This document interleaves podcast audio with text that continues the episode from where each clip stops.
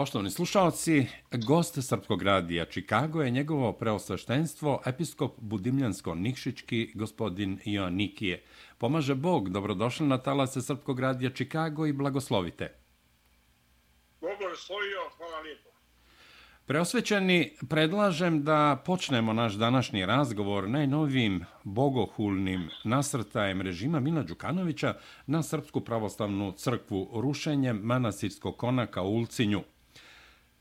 Molim da komentarišete ovaj vandalski čin, a javljeno je da je i Tivat pod blokadom i da je moguće rušenje krstionice. Izvolite. E,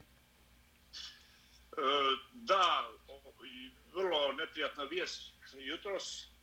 Dakle, e, novi manastirski kompleks koji se podiže pored stare crkve Svetoga Vasilija u Ulcinju, ali to je vrlo daleko od grada, i e, nažalost e, vlasti e, nisu imali uopšte razumijevanja za tamošnji narod koji želi da ima manastir e, na svojoj opštini e, gdje je vrlo malo e, srpskog pravoslavnog e, življa ali e, ti ljudi sa velikom ljubavlju su željeli da izgrade manastir da nasele tamo monaštvo. Međutim e, eto tako se dogodilo da je vlast preduzela pored toliko nelegalno sagrađenih objekata na samoj obali mora i u e, gradskim zonama, oni su našli da e, ruše jedan e, mali manastirski konak koji je daleko od grada, gdje je vrlo malo stanovništva i e, naravno time su samo pokazali svoju zlu volju i htjeli da demonstriraju silu i da uplaše narod, što naravno neće uspjeti. A kažite mi šta se dešava u Tivtu, imamo vez da je Tivat u blokadi i da se sprema rušenje krstionice koju je narod odbranio u nekoliko navrata tokom prošle godine. Pa, tamo je vrlo složena situacija. Prije svega treba podsjetiti da e, je tamo davno porušen veliki manastir Svetog Arhangela e, Mihaila negdje sredinom 15. vijeka a, i to je bolna uspomena u našoj istoriji i e, visokopresvećeni mitropolit e, godinama traži dozvolu za obnovu cijelog manastirskog kompleksa i e, ti e, pregovori oko obnove idu jako, jako teško. E, vidi se je, e, da se namjerno to odugovlači i e, ljudi od najveće struke koje je mitropolit angažovao e, su uradili i projekte i sve, sve što treba, međutim, to zvanične institucije koje trebaju da daju dozvolu ne uvažavaju i onda e, su neki ljudi entuzijasti, pošto je tu bila stara krstionica iz doba svetog cara Konstantina, e, želi da sagrade jednu krstionicu e, ovog vremena, E, i da je posvete Njegošu, pošto je i Njegoš bio vezan za e, to ostrvo, e, to je dosta duga istorija, e, ali e, nažalost vlasti to su prošle godine e, bile krenule da poruše i to, ne samo dakle što ne daju e, dozvolu da se obnovi cijel manastirski kompleks, to je dakle e, najveći problem i e, odugovlače te pregovore jer za, u suštini nemaju pravo da to zabrane. Dakle, tu opet demonstriraju zlu volju, a onda kada je narod krenuo nešto da uradi sam, onda oni to ruše. Dakle, to je jedna vrlo mučna situacija sa vlastima u Crnoj Gori, u, sa institucijama koje su podređene jednom čovjeku i e, zapravo one se ne drže zakona, nego čiste samo je u suštini jednog čovjeka koji je na vrhu države. Da, preosjećeni, kad pominjete mitropolita Crnogorsko-Primorskog Amfilohija, on je danas nazvao rušenje konaka manasira kod svetog na, a, Vasilija na Briskoj gori, kod Dulcinja, nezapamćenim zločinom sadašnjih vlasti. Dodao je i da to nije samo zločin protiv te crkve i tog manasira, Ovim činom vlaza dobija proklestvo svetog Vasilija, rekao je mitropolitan Filohije. S tim u vezi treba reći da je i Nikšićanin, čini mi se po prezimenu Koprivica, odbio da ruši konak, da je napustio taj bager u kome je bio i čovjek je došao tamo ne znajući šta treba da se radi, on je odbio da, da ruši konak. E, hvala Bogu, to je jedan zaista e, svijetli primjer e, visokog moralnog i, i, i vjerskog kvaliteta. Taj mladić koji od, e, pošteno zarađuje svoj hleb, e, doveden je, poslat je tu na dužnost e, ne znajući šta treba da uradi, kada je shvatio šta su mu namjerili da izvrši, on je mirne duše to odbio, bacio ključeve i po svojoj prilici da će nažalost dobiti i otkaz. Esto eto tako prolaze pošteni i čestiti ljudi u e, Crnoj Gori. E, međutim, eto, našao se neko drugi odmah koji je to nečasno dijelo izvršio da e, sruši započeti konak i da time o žalosti malo, malobrojne e, srpske pravoslavne hrišćane u, e, na Ulčinskoj e, opštini i ne samo njih, nego zaista i sve nas i to je jeste jedan veliki grijeh, jedna grdna povreda, e, povreda vjerskih osjećanja i vjerskih prava. Preosvećeni, iako problemi Srpske pravoslavne crkve, odnosno Mitropolije Crnogorsko-Primorske i drugih eparhija u Crnoj Gori sa režimom Mila Đukanovića egzistiraju godinama unazad, Čini se da su eskalirali atentatom na vas i uvaženog privrednika i dobrotvora srpskog naroda i Srpske pravoslavne crkve Miodraga Daku Davidovića u hotelu Crown Plaza u Beogradu, kada je gospodin Davidović ranjen. Recite nam nešto o tom atentatu i rezultatima istrage, ako ih ima. E, pa eto, e, ču, čulo se to mnogi ljudi znaju već o čemu se radi.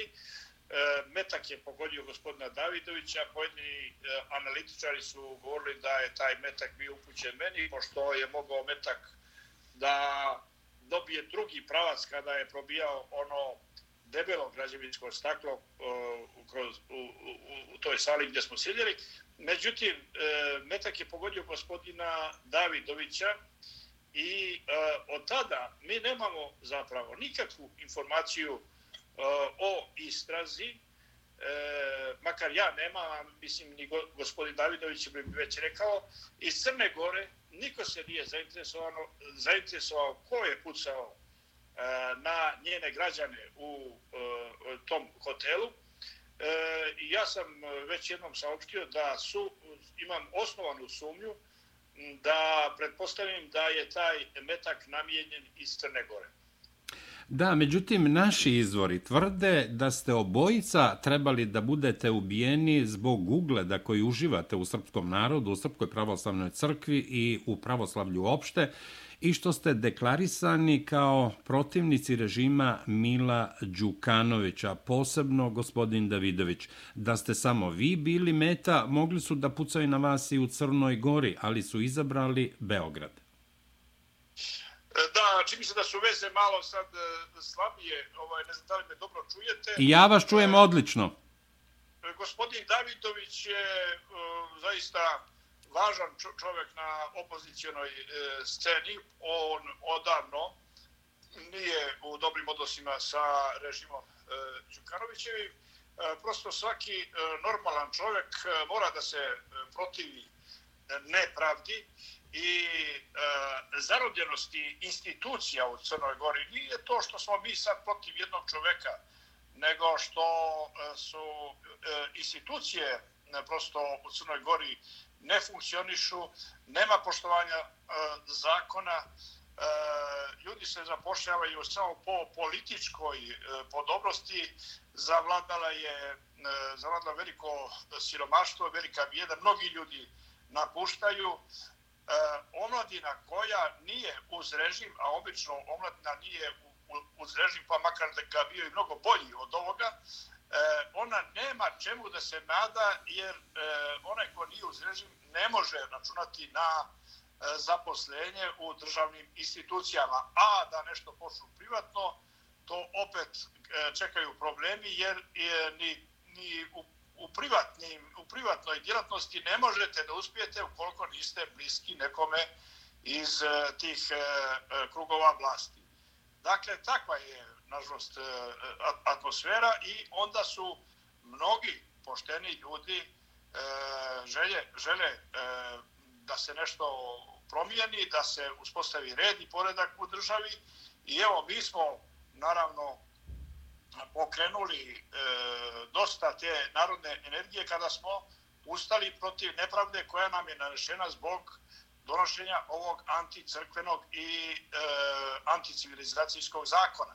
Da, upravo to treba da bude sljedeće pitanje, pa evo ako dozvolite, ja ću samo da pojasnim ovaj, šta bih voleo da komentarišete. Nakon atentata u Beogradu, usvajanje zakona o slobodi veroispovesti je usledilo uz hapšenje opozicijonih poslanika u Skupštini Crne Gore, Demokratskog fronta, zatim sledi Crkveno-narodni sabor u Nikšiću, gde su bile izložene mošti svetog Vasilija Ostrošokog u sabornoj crkvi koja nosi ime svetog Vasilija u Nikšiću, dakle 21. decembra prošle godine, a onda slede molebani i je širom Crne Gore protiv zakona o slobodi veroispovesti, odnosno zakona o slobodi pljačke i otimačine hramova Srpske pravoslavne crkve, na koje je izašlo i Saro i Mlado nekoliko stotina hiljada vernika Srpske pravoslavne crkve, kažu da je režim Mila Đukanovića bio poljuljan i da ih je pod navodnicima spasila pandemija koronavirusa. Izvolite. Dakle, samo da eh, eh, sve ste pravilno rekli, osim eh, red događaja bio je malo drugačiji. Dakle, prvo su na nas pucali u Beogradu, a onda, pošto je to bilo neposredno uoči donošenja moštiju svetoga Vasilija Ostroškoga, gdje je bio jedan veliki čudesan događaj kada je Sveti Vasilij Ostroški po drugi put poslije svog upokojenja posjetio svoj e, grad. E, dakle, događaj su išli tim redom, a poslije e, e donošenja moštio Svetoga Vasilija Ostroškog u Nikšiću imamo ha, e, uprvo u hapšenje opozicijalnih poslanika u Skupštini Crne Gore i izglasavanje zakona u mrklo doba noći negdje oko dva po ponoći e, krajem decembra. A onda, naravno, pošto nismo mogli nikako da se složimo sa tom nepravdom, mi smo izrazili svoj javni protest e, na našim molebanima i, lit, i litijama. E, javni, mirni, civilizovani hrišćanski e, protest i hrišćansko e, e, izražavanje našeg, naše e, e, borbe za pravdu i e, borbe protiv protiv tog velikog zla. E, E, dakle, e, litije su pokrenule upravo zbog toga što je narod osjetio da je to e, e, ovaj taj zakon usmjeren prema Srpskoj pravoslavnoj crkvi, da se ugroze njene svetinje, da se ugroze ne samo vlasništvo, imovina, nego da se ugrozi dostojanstvo naroda, da se ugrozi istorija i sadašnjost i budućnost e, našeg roda, E, upravo zbog toga je e, to, e, narod ustao u e, velikom broju u svim gradovima e, u Crnoj Gori. E, ja mislim da je e, u po, posljednjih e, nekoliko nedelja, dok smo vršili litije, e, bilo po trećina stanovništva Crne Gore na ulicama u našim e, litijama. Možete to zamisliti koliko bi to bilo recimo u Americi ili u nekoj mnogoljudnoj zemlji. E, upravo u tim momentima kada je to već dostizalo vrhunac, e, taj naš otpor i kada je zaista se e, zaista bila ogoljena ta e, zla, zla namjera i pokazala se sva bijeda tog e, projekta, E, E, tada e, su zavedene ove mjere zbog e, pandemije virusa i režim je za ovo vrijeme zapravo samo se sabirao kako da ugrozi crku i da nađe načina da počne da sprovodi ovaj zakon. Da, kada govorite o broju stanovnika, da se poslužimo analogijom. Kada bi se takvi protesti dešavali u Sjedinjenim američkim državama, kao što su protesti u Crnoj Gori, gdje je gotovo pola stanovništva, ako ne i više, izašlo na ulice da brani svetinje, ovdje bi se okupilo od 100 do 150 miliona ljudi. E pa, to je, možete zamisliti, e, Dakle, zaista to je bio da sve narodni pokret, naravno, mnogi stari ljudi, i, ili ljudi zbog nekih drugih obaveza nisu e, mogli da izađu, ali e, pretežno je dakle izašla omladina listom, ali bilo je tu i staraca i djece i e, djece u e, kolicima i e, naravno ponajviše omladine. To, i e, e, e tu se naš tu se našli ljudi raznih profila raznih političkih opredeljenja e, ljudi su se e, našli tu koji se različito izražavaju. Čak smo imali podršku i od pojedinih muslimana i od pojedinih katolika. Dakle, to je bio jedan zaista sve narodni e, pokret gdje su ljudi prevazišli svoje međusobne razlike i one svakodnevne neke animozitete i podjele i našli se svi u istom duhu za odbranu naših svetnja. To, je to su zaista bili veličanstveni događaj koji su zadivili koliko vidimo cijel svijet. E, imali smo i litije podrške u Republici Srpskoj, u Srbiji, u dijaspori. Ja mislim da su bile nekolike i u Čikagu. Tako je. Tako je. Tako je. Yes. Da, preosvećeni pandemija koronavirusa zaustavila je litije samo trenutno. Vi ste na dan velikog praznika i slave Svetog Vasilija Ostroškog 12. maja u Nikšiću, uhapšani sa sedmoricom sveštenika i pod navodnicima strpani u kazamat Mila Đukanovića nakon litije koja je tradicionalna, ja sam imao čast i zadovoljstvo i privilegiju i Boži blagoslov da budem na jednoj od tih litija pre par godina. Dakle, Litu je predvodio mitropolitan Filohije zajedno sa vama. Bili smo svedoci užasavajućih i ružnih scena gde je narod skočio, bukvalno kako se to kaže u, u žargonu, i uz povike ne damo vladiku, ne damo svetinje, branio policiji da dođe do vas i vi ste onda odlučili da, da odete u policijsku stanicu i onda ste uhapšeni zajedno sa sveštenicima, gurnuti u taj kazamat u, u, u neljudskim uslovima su vas držali dva ili tri dana. Molim da, da komentarišete. Da, držali su nas puna tri dana, 72 e, sata, a drugo, e, odnekle se pro, po, po, po, pojavila jedna mala greška, a ljudi su odmah na početku objavili da je uhvaćen episkop, E, E, i e, sedam sveštenika i to je tako otišlo i e, na svim stranama se pominje sedam sveštenika, bilo je osam. Žao mi je što se jedan sveštenik izostavlja. Dakle, mi smo bili cijelo, ja kao episkop i cijelo sveštenstvo sabornog hrama u Nikšiću, svi smo bili pokapšeni i naravno, to je sad duga priča, vi ste dovoljno naglasili koliko je važna, koliko je svečana, e, kako je izuzetna ta e, litija za Svetog Vasija Ostruškoga u e, Nikšiću. Ona je jedinstvena praktično u cijelom pravoslavlju. Nigdje nema takve atmosfere. To je upravo zbog toga što je Sveti Vasilij Ostroški bio mitropolit sa sjedištem u Nikšiću punih 20 godina i što je narod ima njemu kao svom nebeskom pokrovitelju ogromnu E, ljubav i tada zapravo Cio Nikšić sa mnogo gosti sa svih strana e, ustaje i e, e, e, ovaj ide u litiju. Ali ove godine mi nismo zakazivali litiju zato što su važile ove mjere.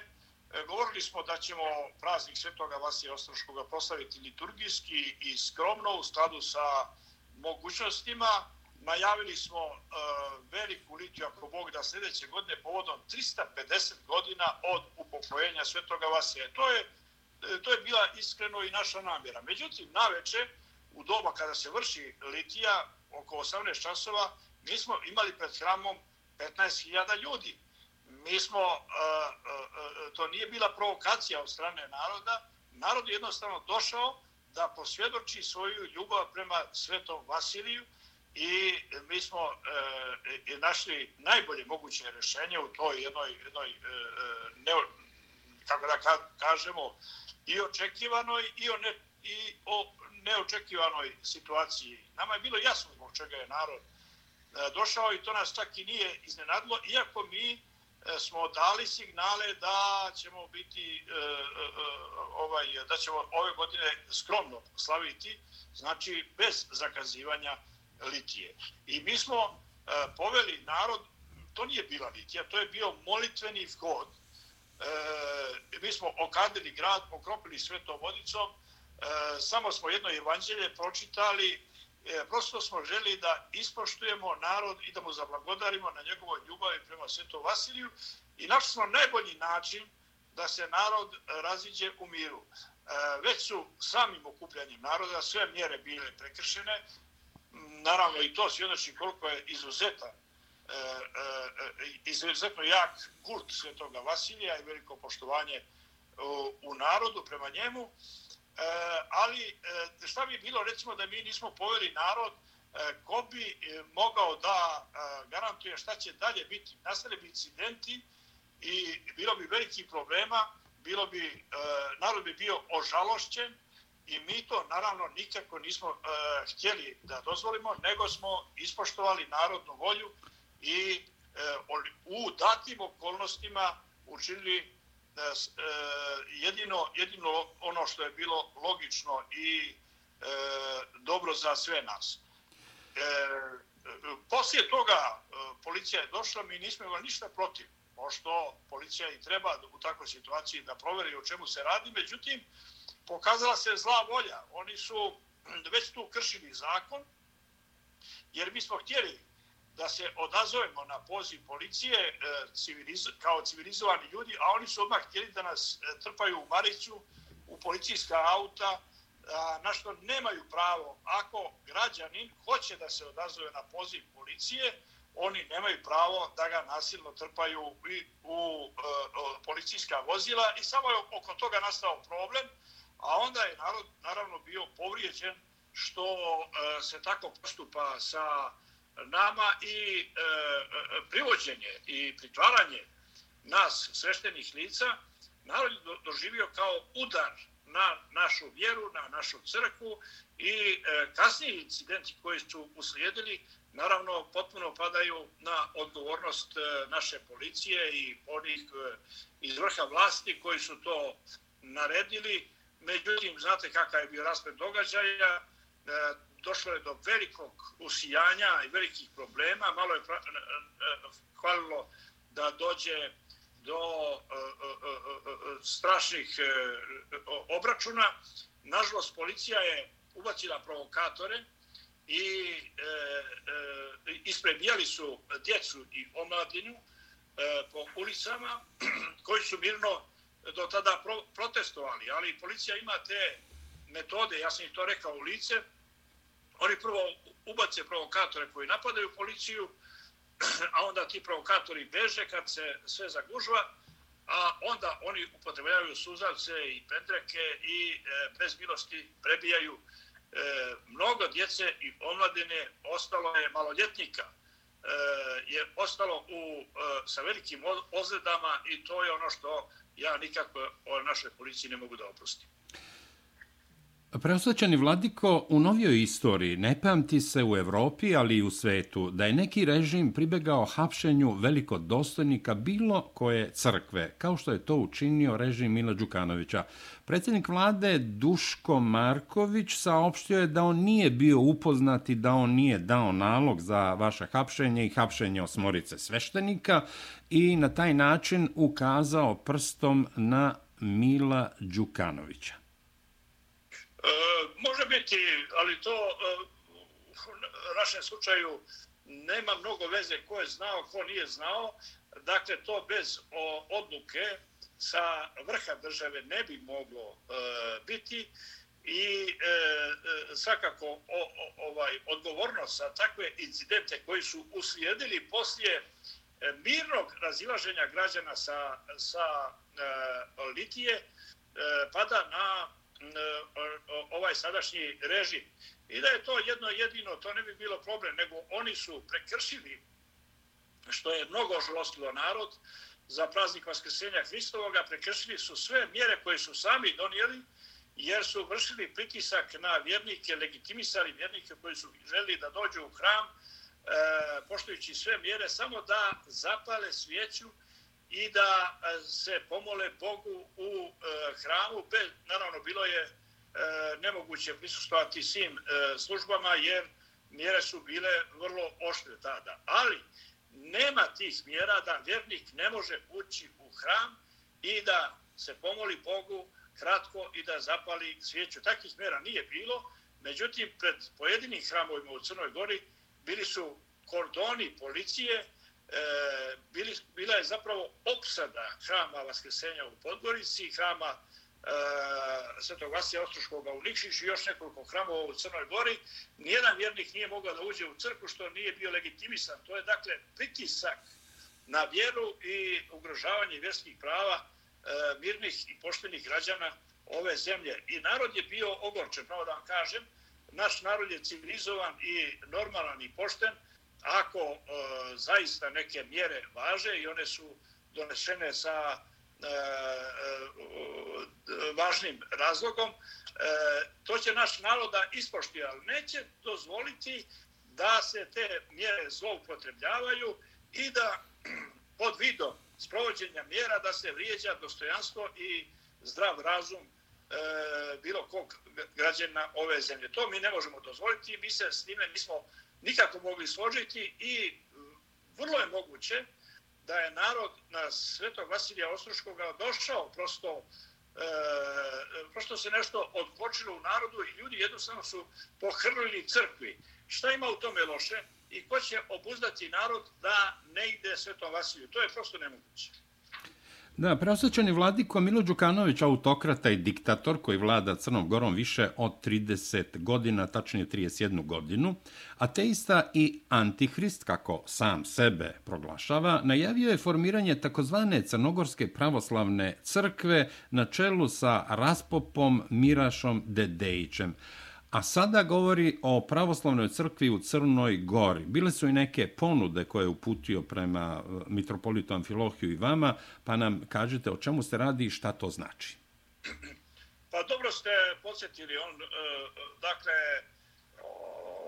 ovaj, e, mlade generacije više ne pamte kad je on kad on nije bio na vlasti, znate, ovaj, e, preko 30 godina je čovjek e, na vlasti i šta da vam kažem, ovaj, e, on je toliko osilio da za njega ustav, zakon, neki građanski poredak ne znači ništa. On krši ustav svoje sobstvene zemlje, ustav koji je donila njegova vlast.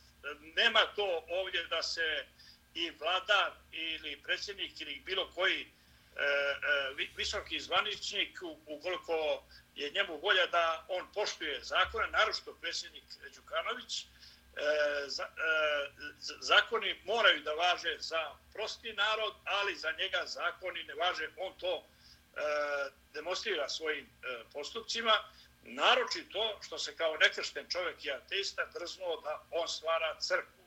On može da stvori samo sektu, nažalost, eh, on vrši pritisak eh, na eh, crkvene institucije, na episkope, na sveštenstvo, na vjerujući narod.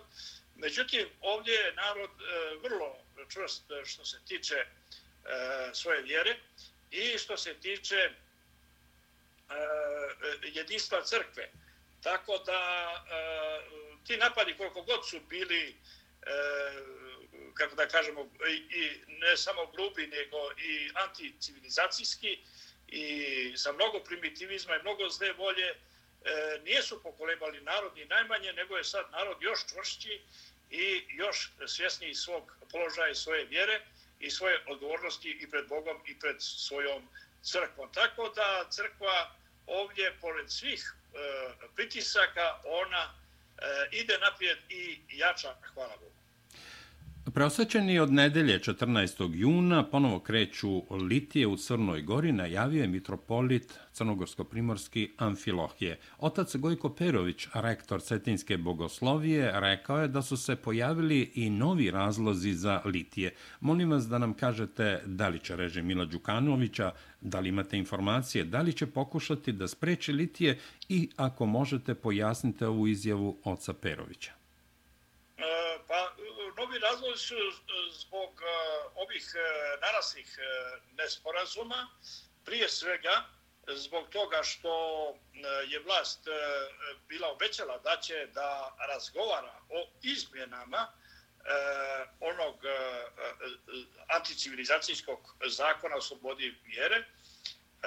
I ti razgovori su na ekspertskom nivou započeti, međutim mi vidimo da vlast nije iskrena uh, u tom smislu i uh, prosto više zbog prevelikog odugovlačenja da se razgovori nastave, e, ne možemo očekivati da će ti razgovori dati bilo kakav pozitivan rezultat. I u toj situaciji, a i zbog ovih pritisaka, mi nemamo drugog načina da E, se borimo za svoja prava osim da izađemo na ulicu. Mi smo prosto stavljeni e, kao e, dominantna vjera u Crnoj Gori, stavljeni smo van zakona i moramo da svoju pravdu tražimo i preko institucije koja se zove Litija, preko sve narodnog protesta protiv vapijuće nepravde koja se vrši nad našom crkvom.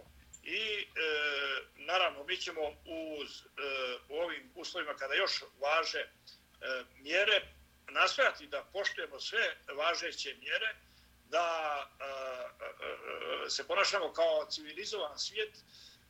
Međutim, to e, naravno e, zahtjeva mnogo veću organizaciju, ali e, slava Bogu, e, narod nas podržava u svemu i mi ćemo u svakom slučaju već E, već jutra imamo veliku e, litiju našeg sveštenstva u Podgorici, e, gdje ćemo, čime ćemo za, započeti novi, no, novi period litija u Crnoj Gori, sve dotle dokle se ne ostvare naša prava.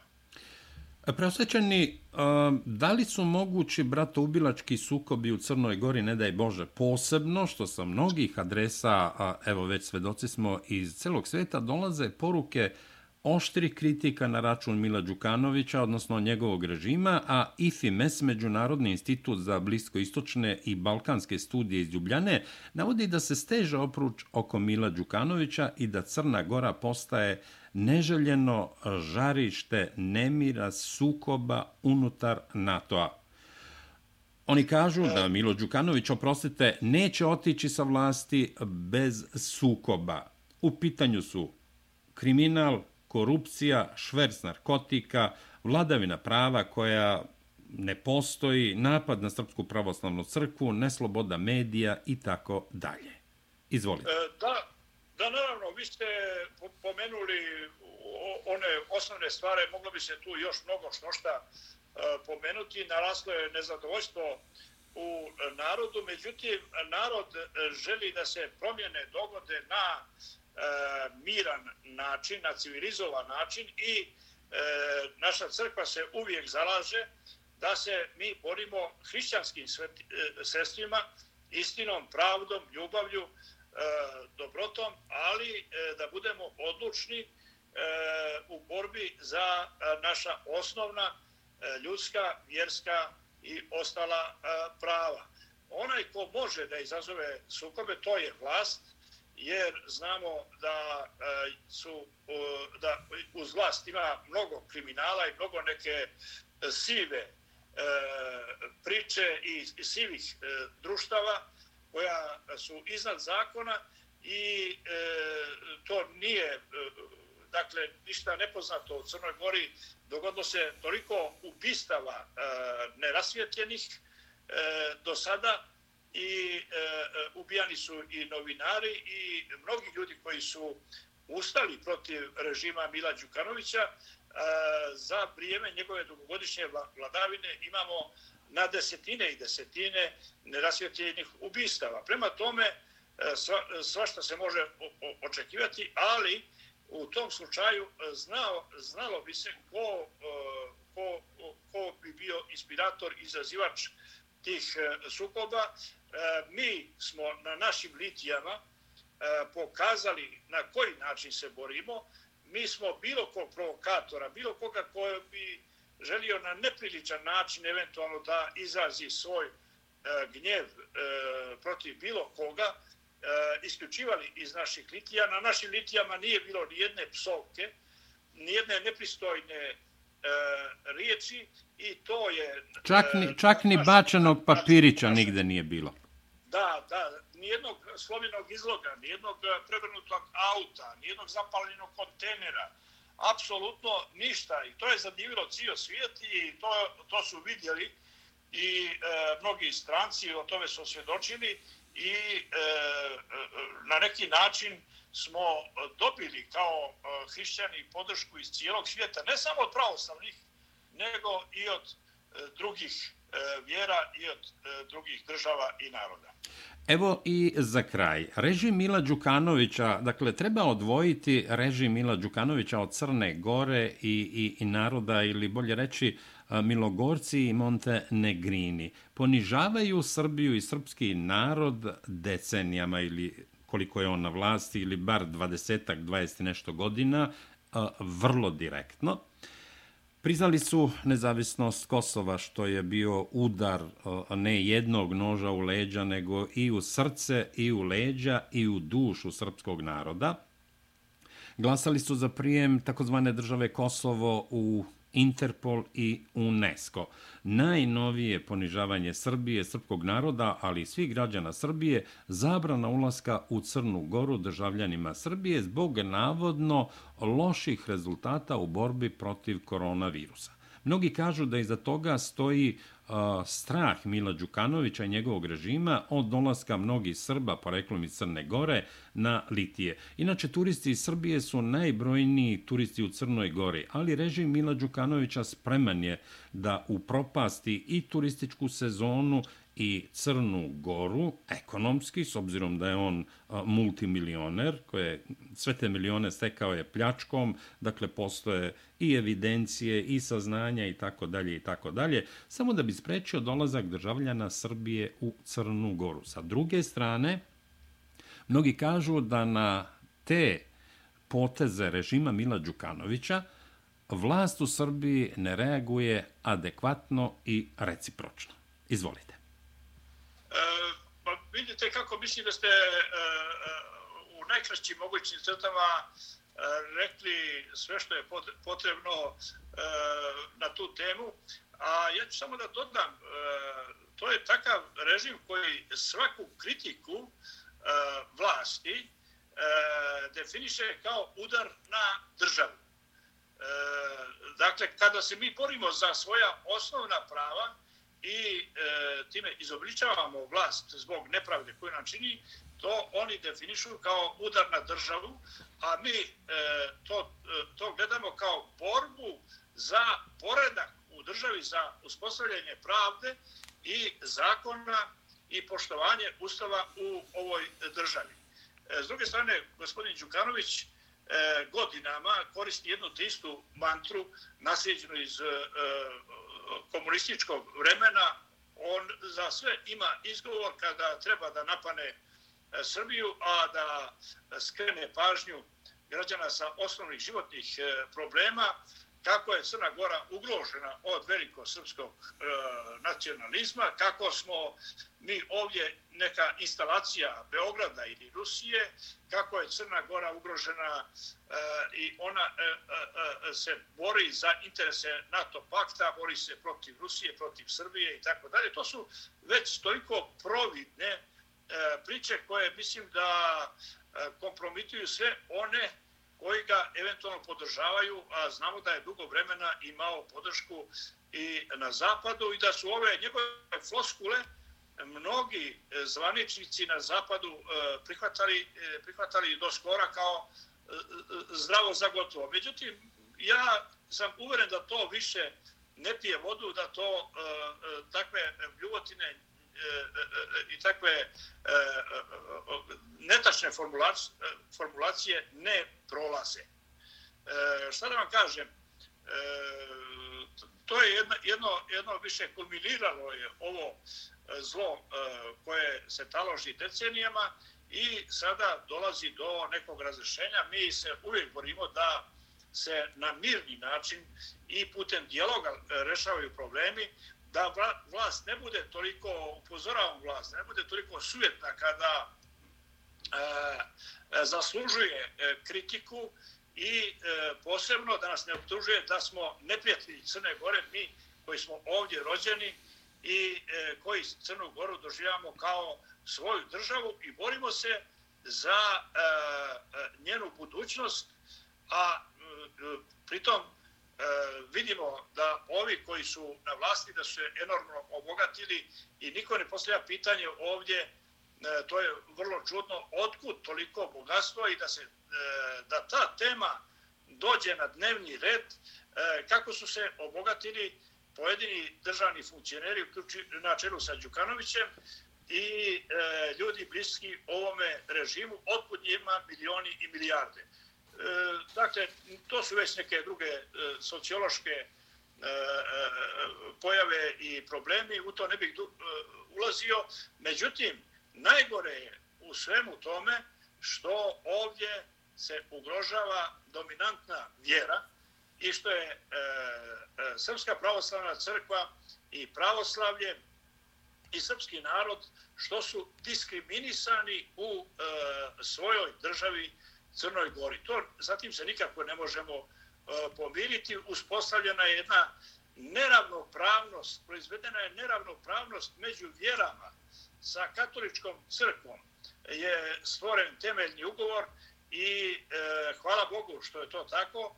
Katolička crkva ima sva prava u Crnoj Gori, njena imovina je potpuno zaštićena tim ugovorom tako isto i E, islamska e, zajednica ima garancija i jevrejska zajednica, a e, Srpska pravoslavna crkva je na takvom udaru kakav se ne pamti od e, turskog doba. I u tursko vrijeme e, imali smo garancije za našu imovinu i za našu vjeru, a sada to nažalost nemamo. Preosvećani i pri samom kraju, imate li poruku za srpski narod, i srpske prijatelje, naravno i, i za Srpsku pravoslavnu crkvu, za Novogračaničku eparhiju, srednje zapadnoameričku a, eparhiju na čelu sa našim vladikom Longinom za sveštenstvo, dakle za Srbe i srpske prijatelje u Čikagu i okolini i širom Sjedinjenih američkih država. E, hvala vam za ovu priliku da i mogućnost da sve najtoplije pozdravi prije svega E, E, presvećenog vladiku e, Longina i ostale naše arhijereje u Americi i e, da vam zaželim sve najbolje. Vi ste lišeni ovih problema o kojima mi ovdje govorimo, ali znamo da se osjećate sa nama i da duboko preživljavate ove trenutke zajedno sa nama i tu vašu podršku osjećamo. Nadam se da će ovo sve na dobro izaći i e, kada, se, kada smo na pravom Božjem putu, kada se borimo za e, slobodu svoje vjere, kada se borimo za e, slobodu u svakom drugom pogledu, e, to će se e, ipak e, sve, svima nama e, obratiti na dobro uz Božju pomoć. E, još jednom da vas pozdravim i da vas e, sve e, od srca zagrlim i cijeli vam i zahvalim za vašu ljubav. Preostaćan Vladiko, hvala vam što ste bili gosta Srpskog radija Čikago i molim vas ostanite još na telefonskoj liniji. Hvala vam lijepo. Poštovani slušalci, gost Srpskog radija Čikago bio je njegovo preosveštenstvo, episkop Budimljansko-Nikšićki, gospodin Ion Nikije, čovek koji je bio sužanj kazamata Mila Đukanovića kao episkop i vladika.